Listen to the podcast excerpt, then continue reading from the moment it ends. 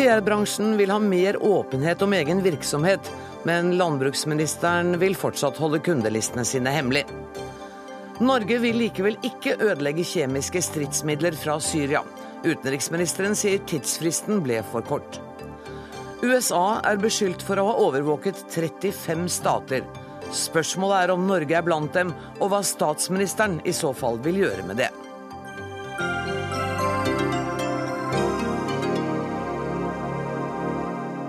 Dette er fredagsutgaven av Dagsnytt 18, der vi også skal høre at kulturbyråden i Oslo nå beklager sine kanskje noe nedlatende uttalelser om kultureliten på Frogner. Men først. Bråket rundt landbruksminister Sylvi Listhaugs fortid som PR-rådgiver i First House vil visst ingen ende ta. I dag bekreftet Rema 1000 at Listhaug arbeidet for dem så sent som etter valget, etter at Dagens Næringsliv skrev om kundeforholdet.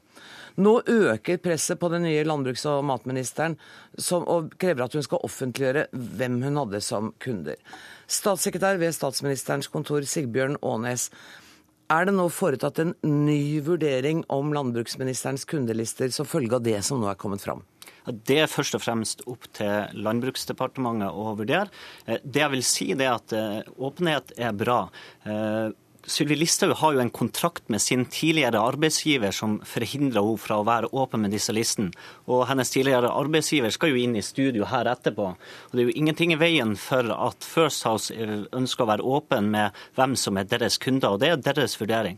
Det ville ha vært eh, ganske eh, merkelig om det første en minister skulle gjøre når hun satte seg i stolen, var å bryte den kontrakten hun har med sin tidligere arbeidsgiver. og vi håndterer denne saken akkurat sånn som Bård Vegar Solhjell og hans regjeringsparti og, venner gjorde når de satt i regjering for under 14 dager siden. Og da var det godt nok. og Vi bare registrerer at de nå har endra holdning til hvordan man håndterer denne type saker. Før vi går inn i den diskusjonen med Solhjell, så er det et par ting jeg lurer på.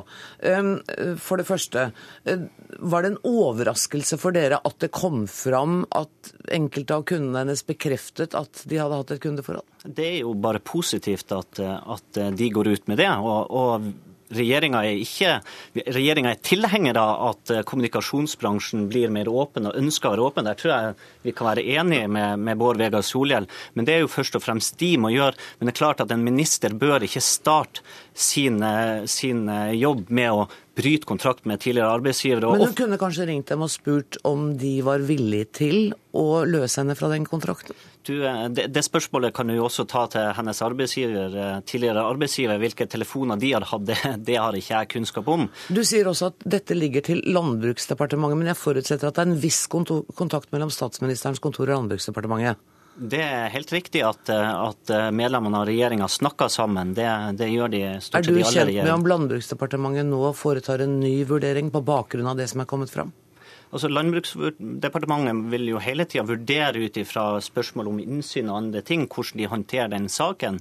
Eh, men det er det ikke opp til statsministers kontor å gjøre, det er opp til Landbruksdepartementet. Ja, Men du er altså ikke informert om det, hvorvidt det nå foreligger nye vurderinger fra Landbruksdepartementets side når det gjelder disse kundelistene? Det, det vil de nok gjøre, gjøre løpende.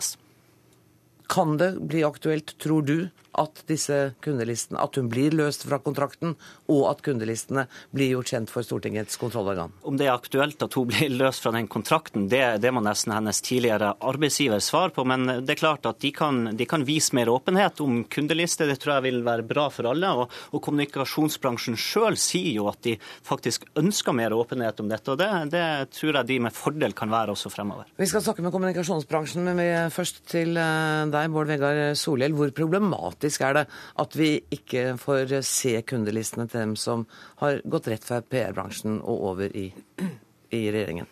Jeg mener det er et viktig åpenhetsspørsmål. Og jeg mener òg det er feil av statsministerens kontor å gjøre det til et spørsmål for Landbruksdepartementet. Da gjør de det til en Listhaug-sak, mens dette er en åpenhetssak.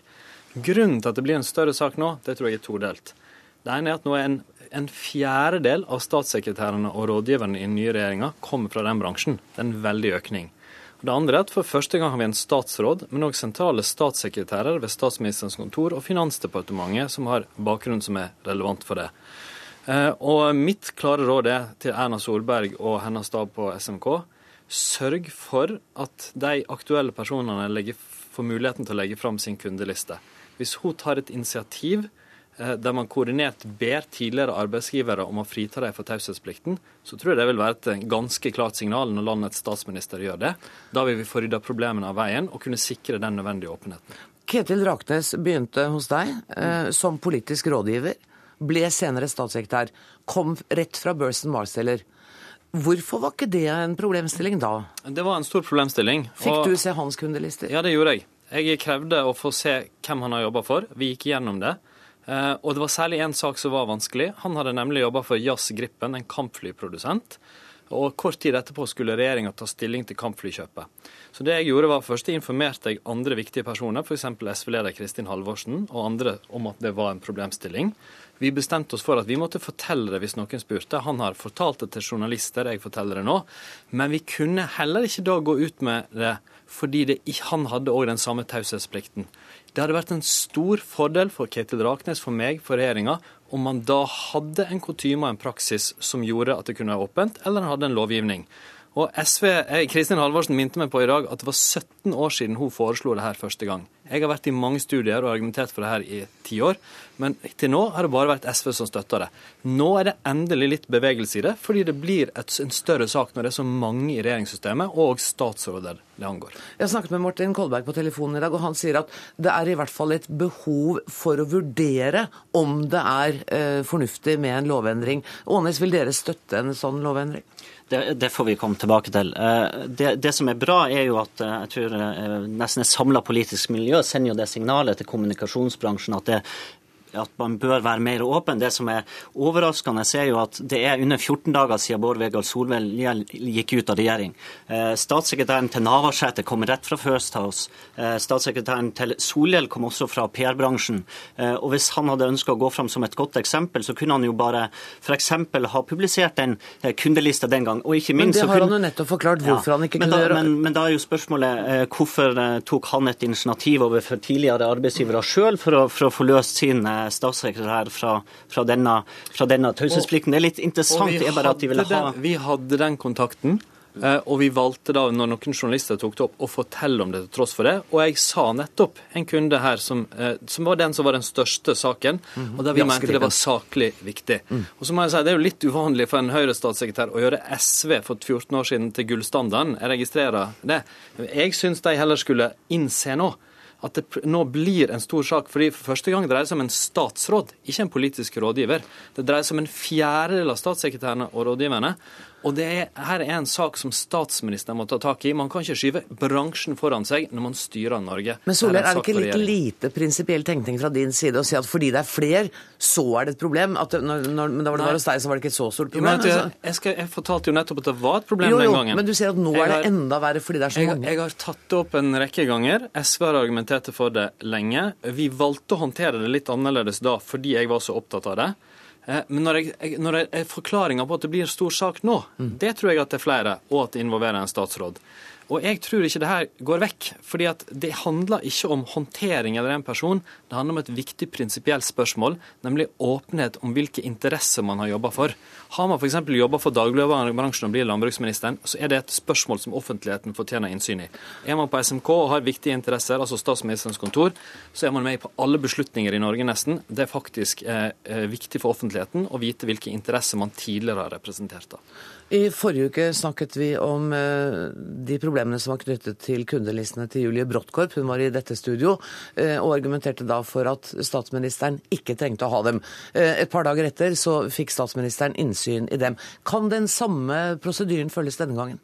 Ja, men det er, altså, Sylvi Listhaugs habilitet den må vurderes i Landbruksdepartementet. Det, det, vil være mange saker, og det vet Solhjell som statsråd, som en statsråd skal, skal håndtere, som ikke nødvendigvis kommer opp på, på, statsministerens bord. Og da Det viktigste er jo at man håndterer det godt i Landbruksdepartementet. Og Så registrerer jeg at, at prinsippene til SV har kommet, kommet ut etter at de forlot regjering. For hvis dette prinsippet hadde vært så viktig også de siste åtte årene, så har de også vært i en flertallsregjering som har hatt alle muligheter til å både gjøre noe med lovverket og ikke minst til å stå på enda mer for å få åpenhet om dette. Og det har man åpenbart ikke opptatt av. Nå sitter han og snakker om en kunde fra hans tidligere statssekretær, hvor det var ganske, ganske, klart og åpent at nettopp det kommunikasjonsbyrået hadde den kunden. Så det er ikke, noe, det, det, det er ikke veldig revolusjonerende at du, at du, nevner akkurat den kunden. Men jeg er glad for at også SV eh, og andre politiske partier mener at kommunikasjonsbransjen skal bli mer åpen. Det tror jeg er sunt for bransjen, og det er ingen problem for oss. Alvorlig talt, det er 17 år siden vi foreslo det. Vi har jobba for det mange, eh, en rekke år. Men det nye nå er at flere støtter det. Arbeiderpartiet har kommet etter det veldig bra. Jeg håper andre òg eh, vil vurdere det. Jeg var litt overraska over at Venstre, som ofte støtter SV i sånne saker, ikke har gjort det til nå. Det vil være bra. Men jeg syns en statssekretær på statsministerens kontor vanskelig kan skyve ansvaret for en åpenhetssak i regjeringa på en bransje. Men når man sitter i regjering, må man ta ansvaret sjøl, forsøke å gjøre noe med det. Jeg aksepterer at dere har et annet syn, men jeg tror i denne saken her at dere bør tenke dere igjen en gang til, se på argumentene og finne en ordning for åpenhet. Hvis ikke bør vi etter, etter mitt syn se på om vi må endre lovgivninga i Stortinget. Jeg bare registrerer at du ber oss ta et ansvar som dere sjøl ikke ønsker å ta de åtte årene dere satt i regjering. og det, Jeg er enig om, om bransjens åpenhet, men det, men det, blir litt spesielt når man har vært ute av kontorene i, i ti dager. Er det det? Så, så, så blir plutselig prinsippene mye viktig. Det er mye SV foreslår foreslå for 17 år siden, som man aldri gjorde i løpet av de åtte årene i regjering. Dette er åpenbart ett av de spørsmålene. Men det er klart at jeg tror vi skal ha takhøyde for at SV har behov for å, for, å, for å, få ut en del av de prinsippene som de kanskje ikke var så opptatt av når de satt i regjering. Angrep er det beste forsvaret, Seivstofte. Jeg syns nå når du styrer landet, at du heller skulle ta ansvar for det. Jeg håndterte det på en noe annen måte, gikk inn i det på en helt annen måte. fordi jeg sørga ikke for åpenhet likevel. Og, og, og, nå har vi endelig fått større oppmerksomhet om saken fordi det angår en fjerdedel av statssekretærer og rådgivere og en statsråd for første gang. Og de, vi, vi skal slutte å snakke politikk, for jeg skal nemlig snakke med en jurist for å hjelpe meg å forklare dette. Tusen takk for at dere kom, Bård Vegar Solhjell og Sigbjørn Aanes. For landbruksministeren og Listhaug og hennes departement hevder altså at hun er underlagt taushetsplikt, og derfor ikke kan legge fram kundelistene um, for andre enn departementsråden. Og professor i forvaltningsrett ved Universitetet i Oslo, Erik Bo, du må hjelpe Jeg føler meg trygg når du har med deg lovsamlingen, altså. Det, det var betryggende. Har Sylvi Listhaug loven på sin side når hun sier at hun ikke kan offentliggjøre listene? Nei, det er forunderlig mye av det som har blitt påstått i saken omkring åpenhet om listene. Så jeg har tatt med meg Norges lover nett og slett for at jeg skal lese opp hva som står i Norges lover om offentlige dokumenter hos det offentlige. For det er ikke slik at uh, man kan si at uh, taushetsplikt det gjelder gudegitt, eller det er bransjebestemt, eller det er avtalebestemt. Altså, når et dokument foreligger hos offentlige myndigheter, mm. så er det i utgangspunktet et offentlig dokument i henhold til offentliglova. Det må en hjemmel til en unntaksbestemmelse for at dokumentet skal kunne unntas. Og eh, Avis... Sier du da at i det øyeblikk departementsråden har fått listen, mm. så er den et offentlig dokument? Med mindre det fins unntak. Okay. Ja, nettopp. Det er det som er poenget. Fordi det fins et dokument, så er det spørsmål er det offentlig etter hovedregelen i norsk rett, eller er det en unntaksbestemmelse som hjemler unntak. Og Avisene de ba jo om innsyn og fikk avslag med følgende begrunnelse, og jeg siterer. Innsyn avslås med henvisning til offentliglova paragraf 13 første ledd, jf. forvaltningslova paragraf 13 første ledd nummer to. Og For å forklare dette kaudervelske, så skal jeg rett og slett lese opp hva som står i de to bestemmelsene. Tror du jeg skjønner det? Ja, da tror jeg faktisk det er lett å forstå. Fordi det står i offentliglova paragraf 13 opplysninger som er underlagde teieplikt, taushetsplikt opplysninger som er underlagde teieplikt i lov, eller i medhold av lov, er unnatekne fra innsyn. Med andre ord, det må være en taushetsplikt som er lovhjemlet. Det er ikke nok at taushetsplikten følger av avtale, den må være lovhjemlet. Da loven ble skrevet, så ble det sagt med rene ord fra departementet og regjeringen at avtaler slår ikke gjennom overfor loven, er det først et dokument som er i loven, og taushetsplikten bare hviler på avtale, så viker taushetsplikten. Det er rett og slett ikke riktig, det som statssekretæren ved statsministerens kontor sa ganske nylig. Hvis det ikke er taushetsplikt i lov, så er det ikke anledning til å unnta dokumentet. Og der kommer mitt neste poeng. Hva er det departementet påberopte seg som hjemmel for taushetsplikten? Jo, forvaltningslova, paragraf 13, første ledd. Og jeg skal lese også den, slik at man ser at her er det en misforståelse. For der står det klart og tydelig.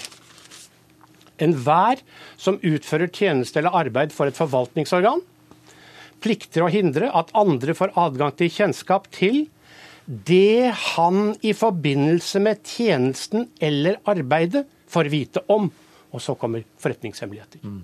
Med andre ord, dette er en regel om offentlig ansatte og representanter som i sitt arbeid for det offentlige får rede på forretningsopplysninger.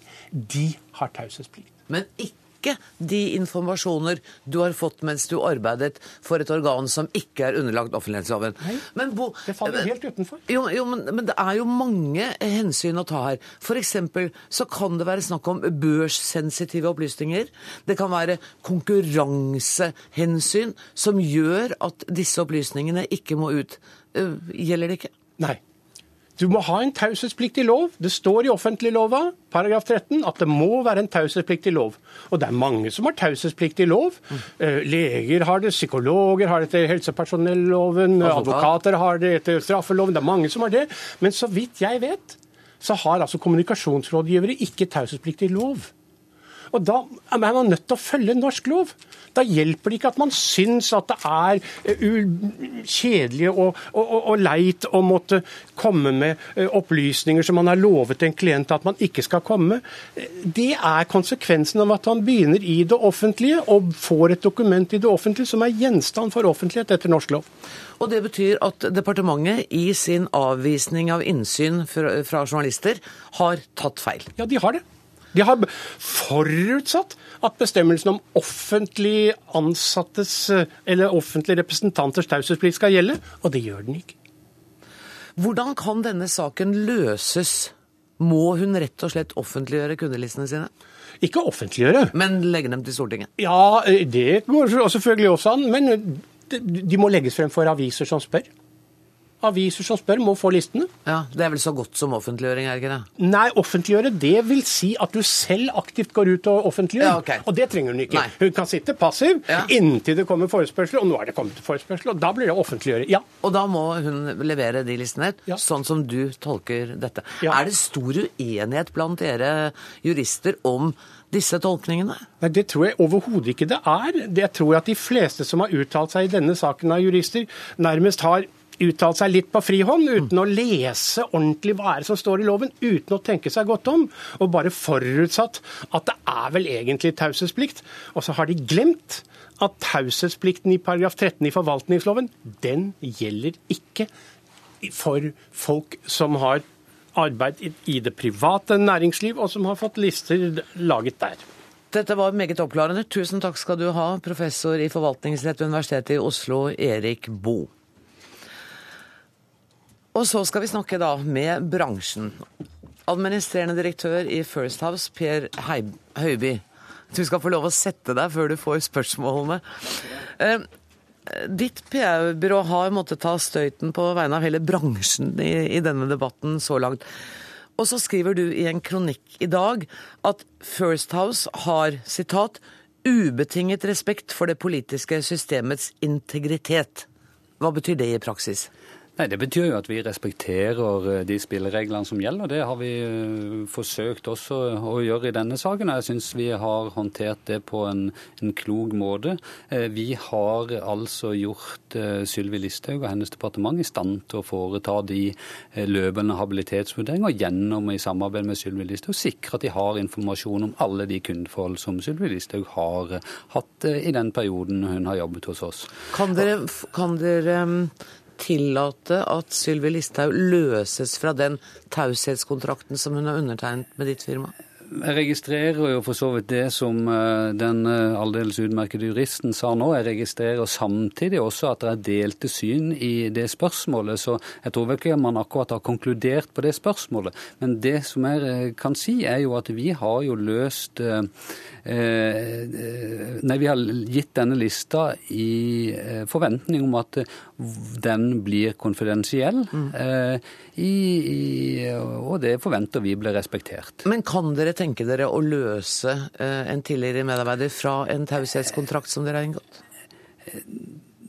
Det kunne man jo vurdert, men det er jo ikke det hensynet som er det viktigste. Jeg må bare for oss å klargjøre Når det gjelder dette med eh, taushetsplikten, så, så, er jo dette helt standard avtaler som alle som jobber i private selskaper har. Det er jo ikke noe mer hokus pokus med dette hos oss i First enn andre steder. at man, man, Og det gjelder ikke bare i kundelister, det gjelder andre forhold som berører vårt selskap eventuelt. Så alle hos dere må undertegne en taushetsforpliktende erklæring? Det, det er en helt eh, vanlig praksis i næringslivet at det, at det slik eh, er det. Men poenget mitt er at eh, når det gjelder åpenhet, spørsmål om kundelister og alt eh, det som vi nå diskuterer, og jeg diskuterer ikke på noen måte det som nå foregår i, i, mellom politikerne og juristene. Jeg diskuterer ut fra våre hensyn, og vårt hensyn i denne saken, der er det aller viktigste hensynet til kundene våre. Vi Eh, og jeg er sikker på det eh, med min sidekvinne her vil være fullt enig om at det er viktig med åpenhet om denne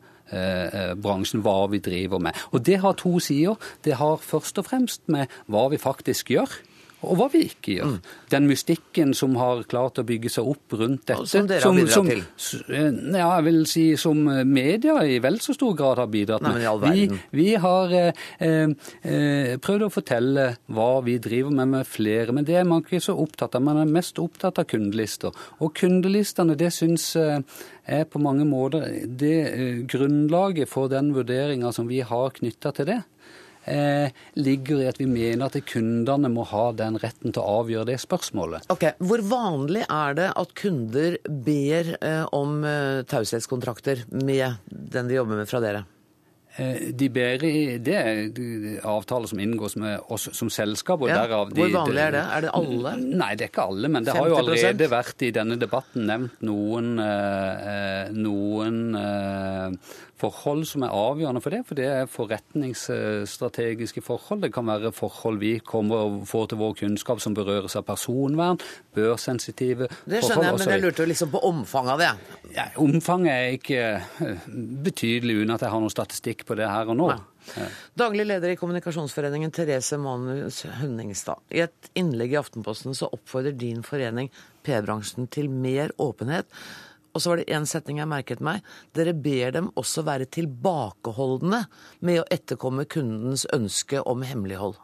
Ja, og det er jo nettopp fordi vi mener at eh, i det store flertall, eh, eller i hvert fall i veldig mange tilfeller, så er det ikke nødvendig å ha hemmelige kundeforhold, sånn som du viser til med børssensitiv informasjon eller personvern og de tingene. Og vi tror at det vil gagne hele bransjen, og ikke minst kommunikasjonsfaget som sådan, hvis vi hadde mer åpenhet rundt dette. Vi ser jo at en stor del av debatten den siste tiden og de siste årene har dreid seg om kundelistene innenfor da den delen av kommunikasjonsbransjen som omhandler PR-bransjen og PR-byråene. Mm. Og vi tror at vi kunne fått fokus også over på faget og hva man faktisk gjør, hvis vi fjernet den mystikken rundt kundene. Vi ser ikke hvorfor det er et behov for den eh, lukketheten som det er nå. Er dette et særnorsk fenomen?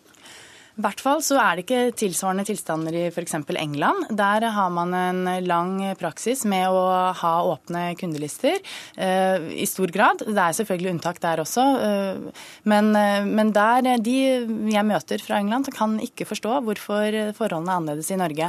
Der bruker de tvert imot kundene sine som nærmest argumenter for å få nye kunder. At de kan henvise til store og gode kunder. Og så er det også viktig av og til for kundene og se hvem som er de andre kundene.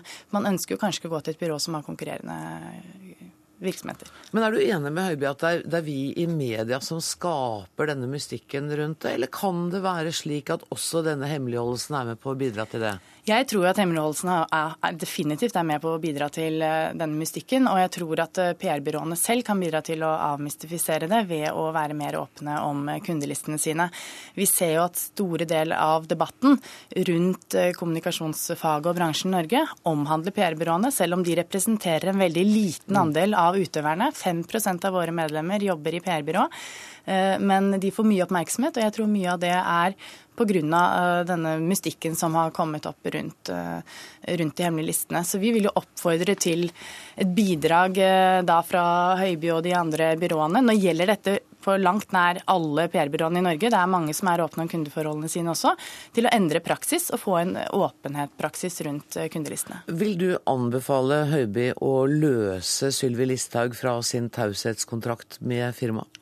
Det er et forhold som, eh, som eh, Høiby har med Listhaug, så jeg skal ikke nødvendigvis gå inn og anbefale noe der. Men, men jeg vil i hvert fall anbefale han til å være varsom med å inngå, uh, inngå kont tilsvarende kontrakter med kunder i fremtiden der det ikke er, er nødvendig. Og så tror jeg jo at det vil lønne seg for både Listhaug og First House og kundene å gå ut med med kundeforholdene nå. For hvis ikke vil vi få denne debatten igjen og igjen og igjen eh, fremover. For eh, jeg, jeg, tror ikke vi har avsluttet det ennå. Kunne du tenke deg det, Høiby? Ja, altså jeg synes jo eh, Det som jeg sa rundt eh, eh, begrunnelsen, altså hensynet til kundene, ja. veier for oss tyngst. Mm -hmm. Det er det ingen tvil om. Det kan være andre forhold hos kundene som ikke engang vi har eh, noe krav på å få vite, som kan være en del av begrunnelsen for at de ikke Eh, ønsker å være offentlige om sitt kundeforhold. Okay, så bare for å konkludere, for tida løper fra oss. Dere kommer ikke til å gjøre noe med dette? Dere kommer ikke til å ta noe initiativ for å offentliggjøre disse kundene? Eller gi pressen tilgang? Vi har tatt masse initiativ når det gjelder åpenhet i forhold til bransjen. Vi har gått inn for uh, lobbyregister. Jo, men nå snakker vi om denne saken. Og, og eh, vi har funnet at det grunnlaget for det vi har gjort nå, er det Eh, basert i hensynet til våre kunder. Da kommer vi ikke lenger. Tusen takk for at dere kom, Per Høiby og Therese Manus Hønningstad. Skal vi se. Nå skal vi, en, skal vi snakke mer politikk igjen, for inn i studio kommer politisk kommentator eh, Magnus Takvam. Vi legger jussen litt til side nå, Takvam. og må bare spørre deg, Hvor klokt var det å utnevne Listhaug som landbruks- og matminister? Ja, Det vil jo vise seg. Jeg tror det som er øh, politisk interessant ved denne saken, er om øh, den tilknytningen hun har hatt til First House og de kundene som øh, hun har hatt der, og de bindingene det eventuelt har skapt, skaper så mange inhabilitetsforhold i hennes jobb i Landbruksdepartementet at det nærmest gjør henne ute av stand til å Eh, jobbe ordentlig som statsråd og fungere som statsråd. Men problemet er jo at det vet man ikke. I hvert fall vet ikke offentligheten noe om det. Ikke statsministeren heller? Ja, nei, i hvert fall ikke slik uh, saken ser ut nå. Og da er det klart at det oppstår et potensielt uh, tillitsproblem og legitimitetsproblem i forhold til vedkommende politiker, som regjeringen og statsministeren på en eller annen måte må forsøke å løse. Eh, den juridiske siden av dette er tydeligvis det sporet de jobber etter. Det er det som er på en måte det materielle i saken nå. Og der er jo det som har skjedd, nemlig at uh, Sylvi Listhaug tilsynelatende nærmest skal vi si, halvveis har offentliggjort kundelisten i og med det at hun har overlevert en skriftlig liste til sin departementsråd. Fordi, som vi hørte Erik Bo sa, ja. Så utløser det eh, en del lovpålagte innsynsforhold som kan, som kan, føre til at man blir nødt til å offentliggjøre det likevel. Men altså, nå det, blir det masse bråk rundt Sylvi Listhaug. Mm. Og så har de rød-grønne også hatt statssekretærer. Og konstitusjonelt så er det i Norge altså ingen forskjell på en statsråd og en statssekretær. Mm. Er det rart at det ikke har skjedd noe før? Det er klart at de rød-grønne møter seg selv eh, i døra og mm, for så vidt bør være forsiktige med å, gå for høyt ut når de, som du er inne på, har hatt tilsvarende forhold selv, uten å ha eh, gått det løpet ut som da de, mange krever at Sylvi Listhaug skal gjøre nå. Så, men her er det vurderinger f.eks. i Arbeiderpartiet, så er det ingen tvil om at det er to linjer. Altså I Arbeiderpartiet er det hardlinere og mer liberale i forhold til dette med offentlighet. Og Martin Kolberg og Dag Terje Andersen f.eks. Eh, mener mange er hardlinere og går på banen nå, mens andre er mer liberale. sånn at dette tvinger kanskje fram en, en eh, skal vi si, holdningsendring i Arbeiderpartiet også, for så vidt. Hva kan bli utfallet av dette? Altså, kan hun komme i en posisjon Sylvi Listhaug, hvor det er snakk om jobben hennes som statsråd? Altså jeg, jeg, tror at i hvert fall så bør altså Regjeringen må på en eller annen måte ha en exit-strategi. Hvis, hvis, det ender opp med at man ikke eh, av juridiske grunner gir innsyn i denne listen, så, så vil jo saken ikke slutte. Så eh, jeg opplever nok at da må eh, statsministeren eller eh, departementet eller, eller eh, regjeringen på en eller annen måte se gjennom saken, se gjennom hennes forhold og, og komme med en vurdering om hennes bindinger og tidligere kundeforhold osv. gjør det vanskelig for henne eh, å, å, eh, operere som statsråd eller ikke. Altså, Man kan ikke forvente at saken bare dør på den måten den nå er kommet. Tusen takk skal du ha, Magnus Takvam. Hør Dagsnytt 18 når du vil, på nettradio eller som podkast nrk.no dagsnytt 18.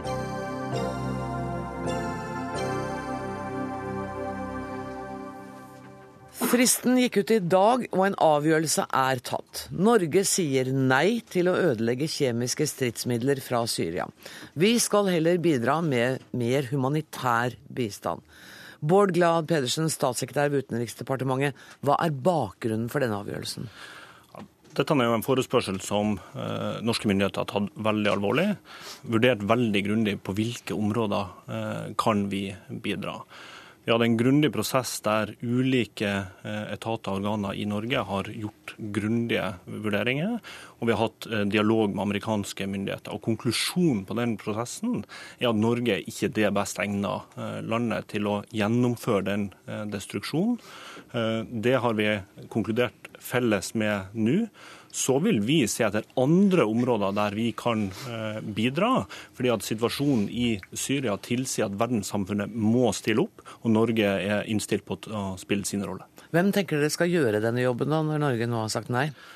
Vi har jo gått veldig grundig inn i om vi kan gjøre det. Det sa du, ja. Eh, og eh, med den intensjonen om at hvis vi kan, så må vi forsøke å bidra. Men så viser den dialogen at det kan vi ikke. og Da er det viktig at vi får avklart det nå, sånn at man kan avklare hvem som kan eh, gjøre det, og hvor det kan gjøres. Det, det kan ikke, jeg, jeg kan ikke svare på det i dag, men fordi at vi nå får den avklaringa, så kan man eh, gå videre til det spørsmålet, samtidig som vi kan se etter på hvilke områder vi kan bidra for å hjelpe situasjonen. Men um, dere sier at vi kan ikke gjøre det. Hva er grunnen til det? Er det pga. de korte tidsfristene som det har vært argumentert med fra utenriksministerens side? Ja, det er ett uh, element. Uh, Men det er jo er det... tidsfrister på å få uh, disse stridsmidlene ut av Syria. Det var vel ikke tidsfrister på å behandle dem? Er det, både, ikke... er det både nødvendig å ta beslutninger raskt, så det, er det tidsfrister for når eh, våpnene skal være ute av Syria. Og så er det tidsfrister for når destruksjon skal være eh, gjennomført. Vi har ikke kapasitet til å gjennomføre de destruksjonene som eh, skulle gjøres, det som er nødvendig for å gjennomføre det. Derfor så vil ikke vi kunne gjennomføre dette innenfor de tidsfristene som var. Det avklartes gjennom den dialogen vi har hatt med amerikanske myndigheter, og basert på de ekspertgruppens eh, vurderinger i, i Norge. Rasmus Hansson, stortingsrepresentant for Miljøpartiet De Grønne. Du er ikke enig i den avgjørelsen? Jeg er bekymret for begrunnelsen. Eh, vi har sagt at eh, noen må jo gjøre denne jobben. Eh, det er ingen tvil om at dette er noe av det verste heksebrygget som menneskeheten har kokt sammen, og derfor er det risikofylt og vanskelig.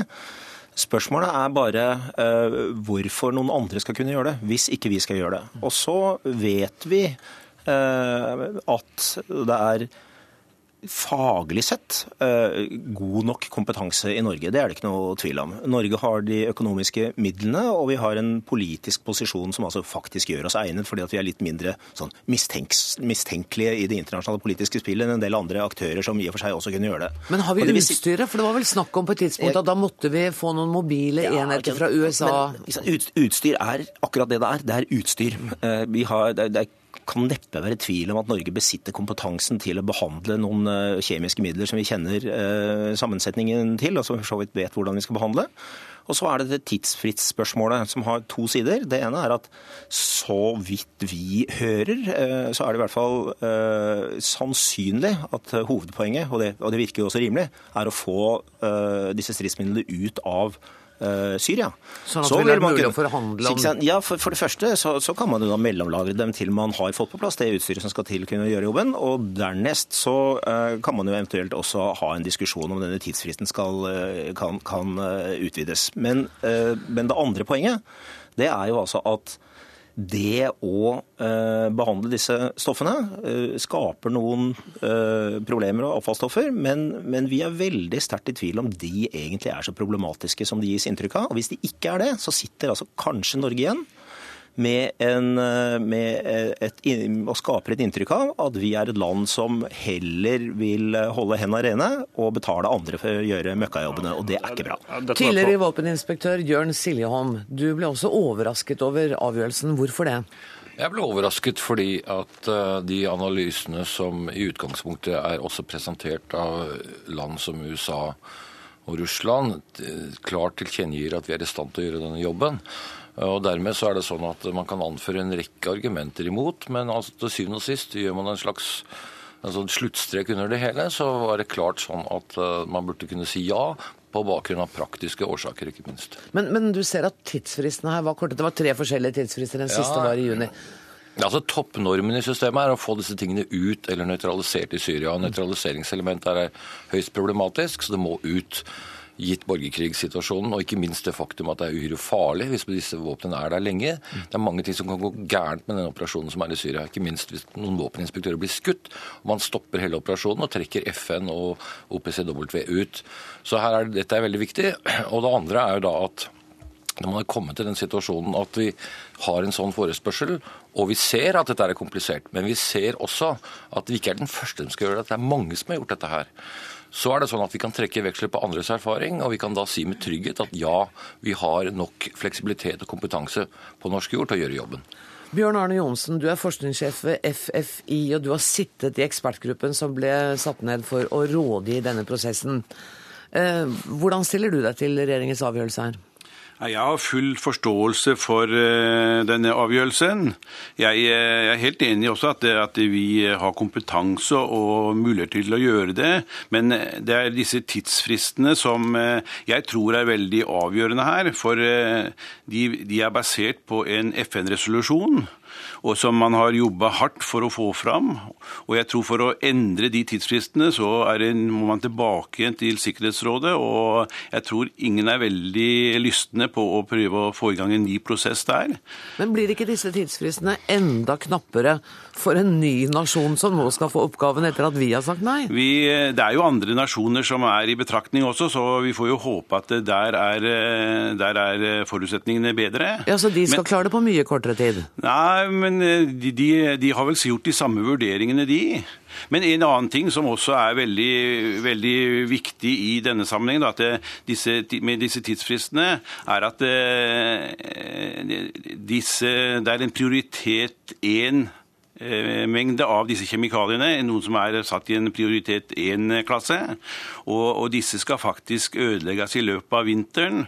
Og, eh, og eh, med det, basert på at dette er eh, vannbaserte ting, og også en del kjemikalier som, som ikke er særlig eh, gunstige å håndtere under vinterforhold, så, så, så er det også det et element som jeg regner med at er diskutert, da man eh, har funnet ut at eh, dette er veldig vanskelig for oss å, å gjennomføre med de tidsfrister som er. Så det eh, bør gjøres i et land som ikke har vinterlige forhold på denne tida av året? Hvis man skal holde de tidsfristene som, som jeg tror må holdes, så, så må nok eh, det skje, ja. Vi snakker om Asia, da? Eller, eller Australia, New Zealand, eller? Jeg må få lov å si til det som har blitt sagt fra sida her, at det har jo ikke stått på politisk vilje her. For det er jo overhodet ingen tvil om behovet for å ta de kjemiske våpnene ut av Syria. Eh, Situasjonen i Syria er veldig krevende. Over 100 000 drepte, over 6 millioner internt fordrevne og på flukt. Så det må håndteres. Det er det ingen tvil om. Det er jo grunnen til at vi igangsatte og gjennomførte et arbeid både fra den forrige regjeringa før vi tiltrådte, og videreførte under denne, for å se på hva vi kunne, eh, kunne gjøre. Men når det da viser seg at Norge er ikke det best egna landet, og det er en konklusjon som man kommer til sammen med eh, USA, som her kom med eh, spørsmålet, så må vi jo avklare det, sånn at vi kan finne ut hvor det best egna stedet er, og sånn at vi kan se på hvordan, på hvilke områder kan vi da bidra i stedet. stedet for at den politiske viljen til å eh, bidra til å håndtere situasjonen i Syria er absolutt stedet. Ja, det har, jeg, det har du sagt flere ganger nå. Men det betyr at du er, dere er med på å finne det landet som skal gjøre det. Tidsfristen, tida går. Og det skal gjøres i løpet av vinteren. Ja, vi det kan- betyr at dere har noen forslag nå, da? Nei, altså, Vi kan ikke nå konkludere på eh, hvor dette kan gjennomføres. Det pågår det jo en prosess for å eh, avklare, men jeg kan ikke svare eh, på det nå. Men når prosessen viser at vi ikke er det beste landet, så får vi avklare det, og så vil vi lete etter andre måter å bidra. Rasmus Hansson, hva syns du om argumentasjonen? Jeg stiller jo ikke spørsmålstegn ved motivene til regjeringen her, det, det må være helt klart. Men, men vi er altså i en situasjon hvor vi veldig fort kommer inn i en runddans, eh, hvor, som programlederen påpeker, det blir dårligere og dårligere tid. Andre land har ikke bedre tid enn oss. Og så er det jo altså et faktum at de landene som er med i spekulasjonene, i hvert fall i media, sånn som Belgia og Albania osv., de, de viser jo at man veldig fort kommer i en situasjon hvor det blir vanskelig å forstå hvorfor andre land skal ta denne belastningen som Norge sier at vi ikke klarer å ta. Og Det som i hvert fall er en veldig sterk oppfordring til eh, regjeringen eh, og, og Utenriksdepartementet, det er få på bordet de helt spesifikke grunnene til at dette er vanskeligere for Norge enn for andre land. Det må folk få vite, sånn at vi får avklart hvorfor dette, eh, hvorfor dette er et så stort problem. Og f.eks. er det faktisk slik at nedbrytningsproduktene av destruksjonsprosessen er så farlige som det er gitt inntrykk av, eller er det slik at de ikke er det?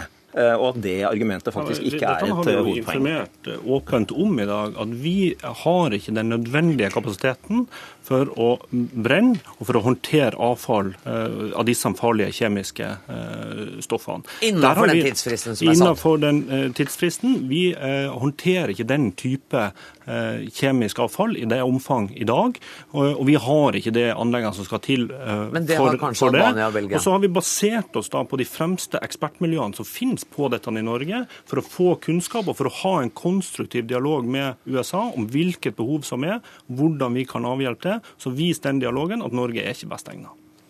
Dette er jo feil. Eh, Det er ikke sånn at dette utslippet her representerer noe nytt. Dette her er stort sett eh, salter, er næringssalter, det er fosfater, nitrater, svovlforbindelser og noe fluor, og organisk materiale. Dette er å ligne med, hvis man skal være litt grov, så er det å ligne med et vanlig fiskeoppdrettsanlegg på 50 000 personekvalenter. Det er litt grovt, men du finner ikke toksiske stoffer i det utslippet hvis anlegget virker. Det er, sånn, det, det, spørsmålet er for alvorlig til den type forenkling. Ja, det er vi faktisk har sant. baser, vi har, altså, dette har vi basert oss på innspill fra, de, eh, eh, fra ekspertetatene som er på dette området, innenfor miljø, innenfor justis, innenfor forsvar. Okay. og da er det som må ligge til grunn. Da må vi ta det sammen med er en testbar er- påstand. Det er en testbar påstand. Da må, ja, da må Bjørn Arne Johansen Johnsen få lov å komme inn. Eh, Det er litt eh, det er litt eh, begredelig å høre hvordan folk som ikke er eksperter på kjemiske våpen, omtaler dette her. For eh, vi vet hva, hva disse kjemiske våpnene står for, og vi vet også nøyaktig hva Syria har av kjemiske våpen.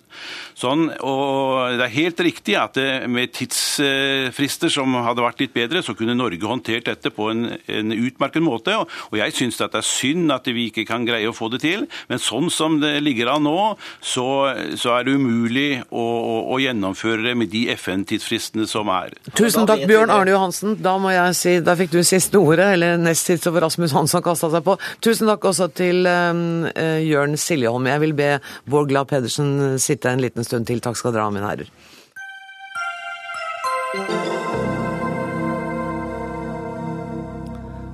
I går kveld meldte den britiske avisen The Guardian at USA skal ha overvåket så mange som 35 statsledere. Dette har ført til skarpe reaksjoner i Europa. I går kalte Angela Merkel den tyske ambassadøren inn på teppet, og i dag gjorde Spania det samme.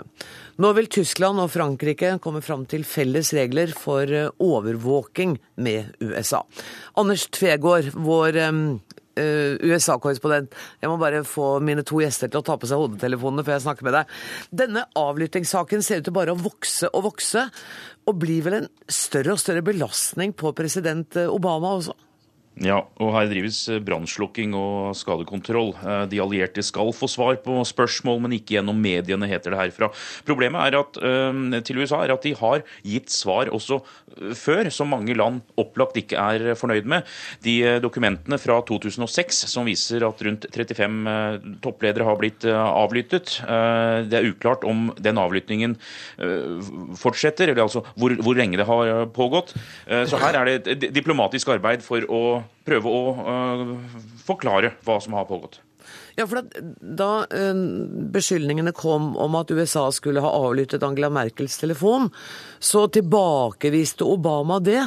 Men han tilbakeviste at det foregikk den type avlytting nå, og at det skulle komme til å foregå den type avlytting i fremtiden. Han sa ingenting om fortiden. Nei, eh, han snakket bare i nåtid eh, og sier at de ikke avlytter nå, og heller ikke kommer til å eh, gjøre det.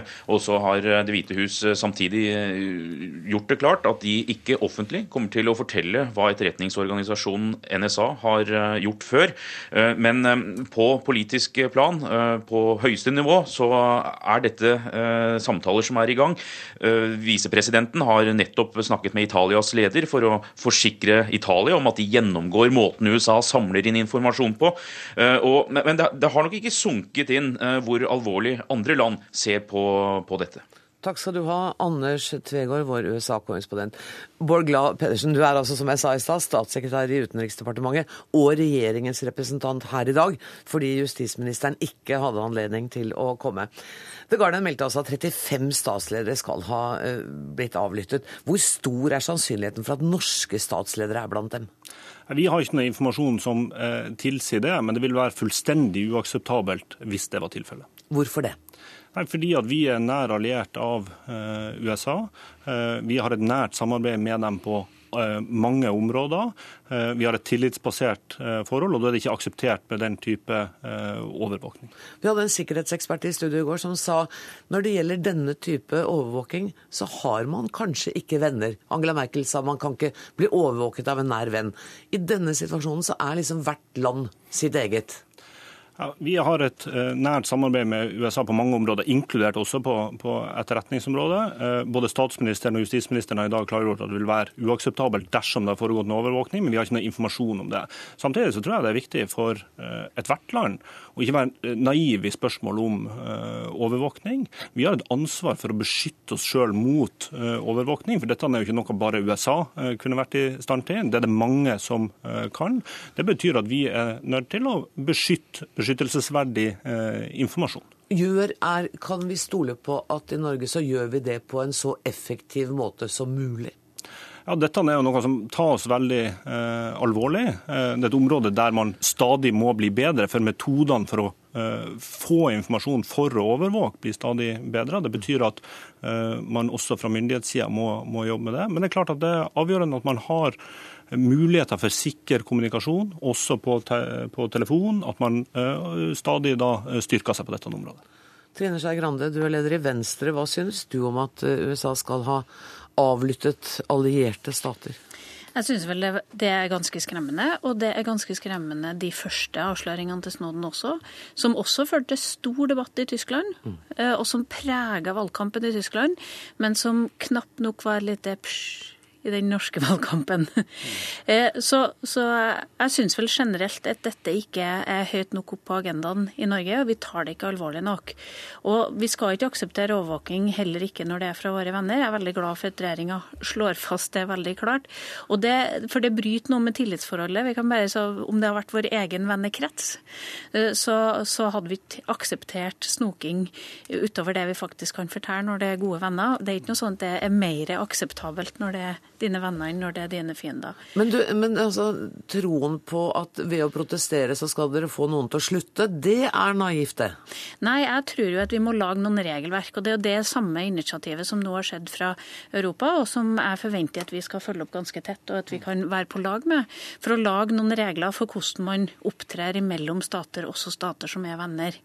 Eh, for det handler om å bygge det tillitsforholdet, men det handler om en grunnleggende sånn respekt for privatlivet Og hvis du har statsledere som ikke respekterer privatlivet, ikke engang til sine nærmeste allierte kollegaer, hvordan er de statslederne når de skal forvalte privatlivet og privatlivets fred til sine borgere?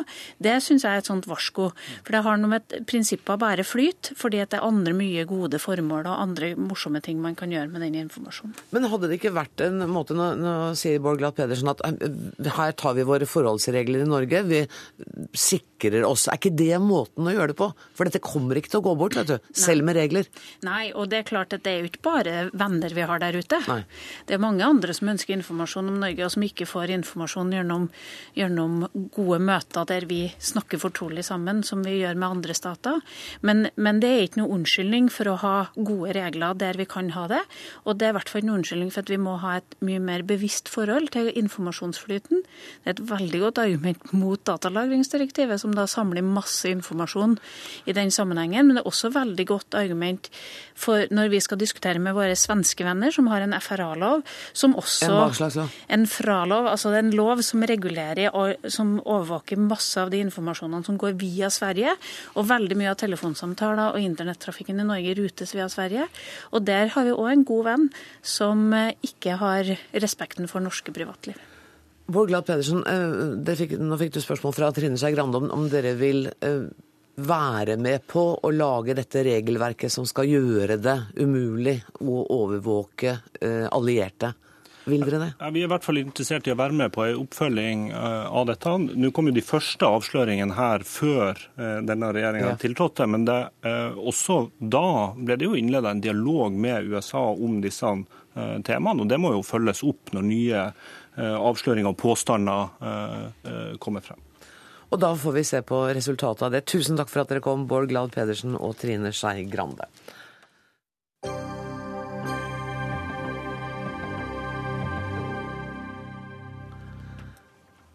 Oslo kommune vil ikke gi Litteraturhuset i Oslo en krone i driftstilskudd. Det har fått 20 kjente forfattere til å gå sammen om et opprop for å få byrådet til å endre mening. Men i Aftenposten i dag svarer kulturbyrådet i Oslo, Halstein Bjerke, at han heller vil bruke penger på ungdom i Groruddalen enn på kultureliten på Frogner. Jon Michelet, du er én av forfatterne som har skrevet under på oppropet. Du, Kjenner jeg deg rett, så ble du litt opprørt over byrådets uh, svar? Nei, jeg gjorde, Gjorde ikke? Nei, jeg gjorde ikke det. Jeg tenkte dette kommer han til å angre på, for han vet jo godt at kultur, Litteraturhuset i Oslo er for hele byen. Han vet godt at dit kommer det bare denne uka massevis av unge fra Groruddalen. Jeg tror han er på glid. Og Kulturpartiet Venstre det var noen her som snakka om gullstandard. I politikken skal noen stå for kulturell gullstandard, så må det være Kulturpartiet Venstre. De må gi seg på dette. De må gi en bevilgning til det, Og det kommer. Og det kommer også, ja. Tror i Oslo, Halstein Bjerke.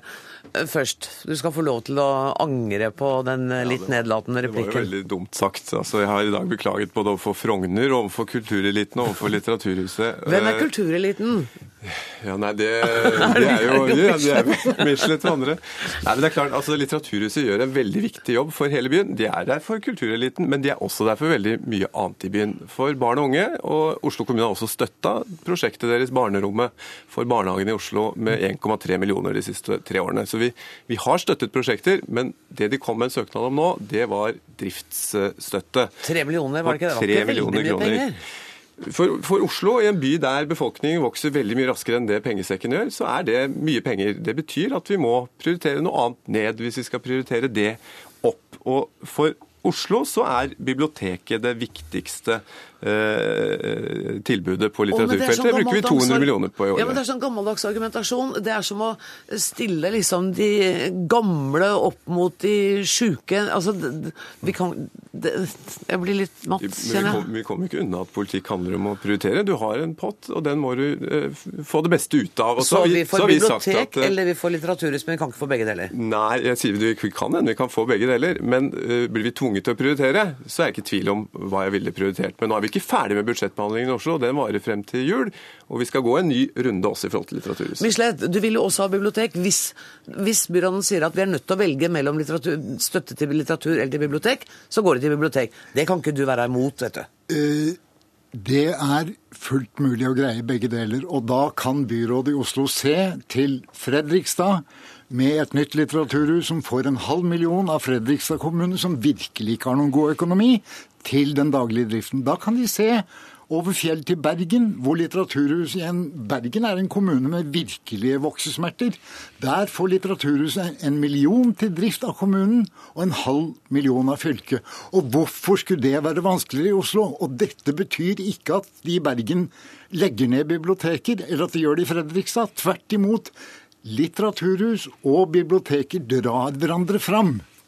Men jeg sa, eh, jeg sa, noen ting i Aftenposten i dag som jeg angrer på. Men jeg sa også noe som jeg ikke angrer på, og det er at jeg mener at uh, disse 20 forfatterne, som har, uh, som har uh, gjort det veldig bra og tjent gode penger på å skrive bøker Det hadde vært flott også om de hadde lyst til å bidra til en arena for nye forfattere. På samme måte så mener jeg at det hadde vært flott om bokbransjen i Norge, som går med hundrevis av millioner i overskudd hvert eneste år, 640 millioner gikk det med overskudd i fjor, at de som jo eh, tjener gode penger på, på eh, forfattere, på utvikling av, litteratur, eh, som burde se sitt samfunnsansvar også i forhold til å investere i en arena for framtidens forfattere og framtidens litteratur, burde bidra i større grad til litteraturressurser. Det står jeg for, og det mener jeg at de burde gjøre. Du kunne spytta litt i kassa, Michelet. Jeg har Uh, akkurat nå gjør jeg det bra, men jeg har hatt noen år som var ganske magre. Og jeg stilte opp på dugnad for Litteraturhuset i Oslo og i Fredrikstad, og jeg skal gjøre det igjen. Men jeg er også nå blitt en tung skattebetaler, og jeg vil at mine skattepenger skal gå til Litteraturhuset i Fredrikstad. Ja, la forlagene komme inn, men de gjør allerede masse med å skaffe forfattere fra utland og innland. Eh, la private komme inn. Nå må Fritt Ord gå ut, det vet vi. Og da må vi ha en liten kommunal planke i bånn. Det må kultur partiet Venstre være med på. Og Det skal vi se om vi får Bra. til. Men jeg, jeg, mener jo at eh, det er litt trist også. For noe av det flotte med Litteraturhuset har jo nettopp vært at det var initiert av private, startet opp, finansiert av private. Og, og, det er flott at vi kan ha den type kulturarenaer som ikke nødvendigvis må være finansiert av det offentlige. Det skaper en balanse i kulturlivet vårt som jeg mener er en styrke. Da jeg leste intervjuet med deg i Aftenposten i dag, så tenkte jeg mm, kanskje han ikke vet så mye om dette litteraturhuset. Jeg må bare spørre deg, Bruker du det mye? Ja, altså jeg er jo, Om ikke jeg er en del av kultureliten, så er jeg vel en del av wannabe-kultureliten. Så jeg nok, eh, går nok rett inn i målgruppen. Men hvis du er en del av wannabe-kultureliten, så kan du jo fri til Jon Michelet ved å prøve å love ham litt mer enn du har gjort det nå, da? Av penger, mener jeg. Ja, altså vi, vi, har lovt at vi skal ta en ny runde på dette, men jeg mener eh, prinsipielt at eh, jeg syns bokbransjen også bør kjenne sin besøkelsestid. Ja, De er ikke her nå, så vi, de ringer oss sikkert på mandag og sier at de gjerne vil være med. Eh, jeg kan si det, tror jeg, på vegne av bokbransjen sjøl. Det er klart at uh, mitt forlag, Oktober, de andre store forlagene de vil være interessert i dette, men dette, uh, det er det at Fritt Ord nå går ut, som gjør at denne kommunale redningsplanken er nødvendig. Og da bør Venstre være med på å gi Litteraturhuset, som er en gave, en perle i byen, blir brukt av alle, at det kan fortsette. Men Michelet, hadde det ikke vært en utrolig frihetsfølelse å ikke være i lomma på kommunen på noen som helst måte her, og si at dette litteraturhuset her, der har kommunen ikke et ord de skal ha sagt? Jo, men i, i, i Bergen i Fredrikstad. Litteraturhusene er så sjølgående, så lite i lomma på kommunen, så inspirert av brukerne, av forfatterne, av de som elsker litteraturhusene, at det er ikke noe problem. Du kommer ikke i lomma på Oslo kommune om du får en planke. Altså, jeg har fått noen offentlige midler sjøl. Ja, det har ikke jeg, så jeg veit ikke. Ja, ja, ja, ja du, du er da lisensfinansiert. Men, og jeg har aldri følt at det har ført meg i lomma på noe noen. Når er det dere er ferdig med budsjettbehandlingen? Ja, Det er vi i desember. Du får ikke noe svar før da, vet du, Michelet. Ja, men da er det jul, og da kommer det et godt svar. Men hva skjer? Er det sånn at det er så krise på Litteraturhuset nå at, dere må, eller at de må begrense aktiviteten? Må de avlyse ting? Er det så ille? Det tror jeg ikke det er, men det kan det bli. Og blir det sånn, så skal jeg love Halstein Bjerke at vi skal gå foran og vi skal lage en kjempedugnad, en kampanje. Litteraturhuset i Oslo kommer aldri til å dø. Men da har det jo kommet noe godt ut av dette i dag. Ja. Tusen takk for at dere kom. Eh, Det var nesten som man var tilbake i 70-tallet. Jeg Ja. Michelin snakke da. Eh, Denne sendinga er slutt. Jeg må bare skynde meg å si at ansvarlig var Siri Hytten. Teknisk ansvaret har Lisbeth Sellereite. Jeg heter Anne Grosvold. God helg.